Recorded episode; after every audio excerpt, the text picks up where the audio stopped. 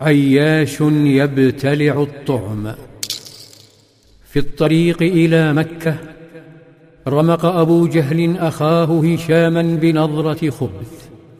نظرة توحي بتآمرهما على عياش. نادى أبو جهل عياشا بكلمات تتسلل كالحية. وقال له والله لقد استبطأت بعيري هذا. أفلا تحملني على ناقتك؟ فرحب عياش وقال بلى توقفت الإبل. وانحدر عياش وأبو جهل ليتبادل المقاعد. لكن هشاما ترجل أيضا فاستغرب عياش نزوله.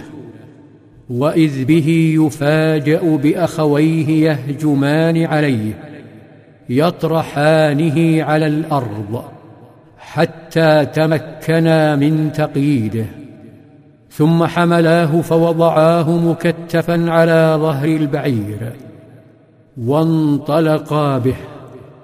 ها هو عياش كتلة من الندم. يعاني من طريق طال أكثر مما هو طويل. طريق مثقل بالهواجس والهموم فقد فيه حريته وناقة صاحبه عمر الذي كان أحن عليه من أمه. ترن كلمات ابن الخطاب في أذنيه وهو ينصت لشتائم هذا الشرير. يصادر حقه في الحرية والتوحيد والتوقف للصلاة والعيش حيث يريد. شاحب هذا الطريق. لا شمس فيه ولا قمر ولا أنيس. ولما وصلوا مكة أخذوه لمعتقله وحبسوه ثم عذبوه حتى أذعن لمطالبهم. وصلت أخباره إلى يثرب. فتحسر ابن الخطاب على أخ لم يعد أخاه. يتحسر عليه وعلى هشام شقيق عمرو بن العاص. ويتحدث لمن حوله فيقول أوثقاه ثم أدخلاه مكة وفتناه فافتتن.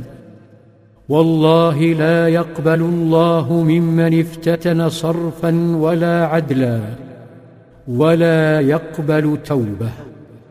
قوم عرفوا الله ثم رجعوا إلى الكفر لبلاء أصابهم.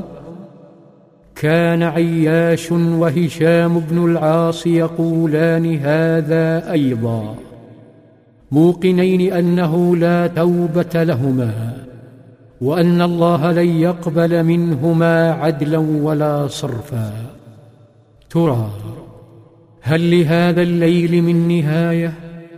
سؤال ستجيب عنه أيام مكة التي بدأت تخلو من المؤمنين ولم يعد فيها منهم إلا مختف أو مأسور.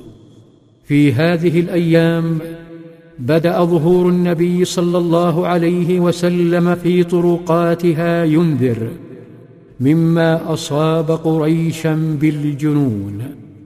وفي أحد الأيام نزل جبريل عليه السلام بآية بقوله تعالى وقل رب ادخلني مدخل صدق واخرجني مخرج صدق.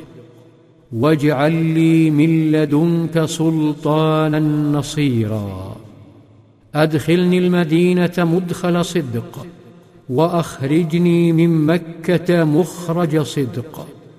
فانتظر صلى الله عليه وسلم حتى اشتعلت الظهيرة والتهبت الرمضاء واختفت الأقدام من شوارع مكة.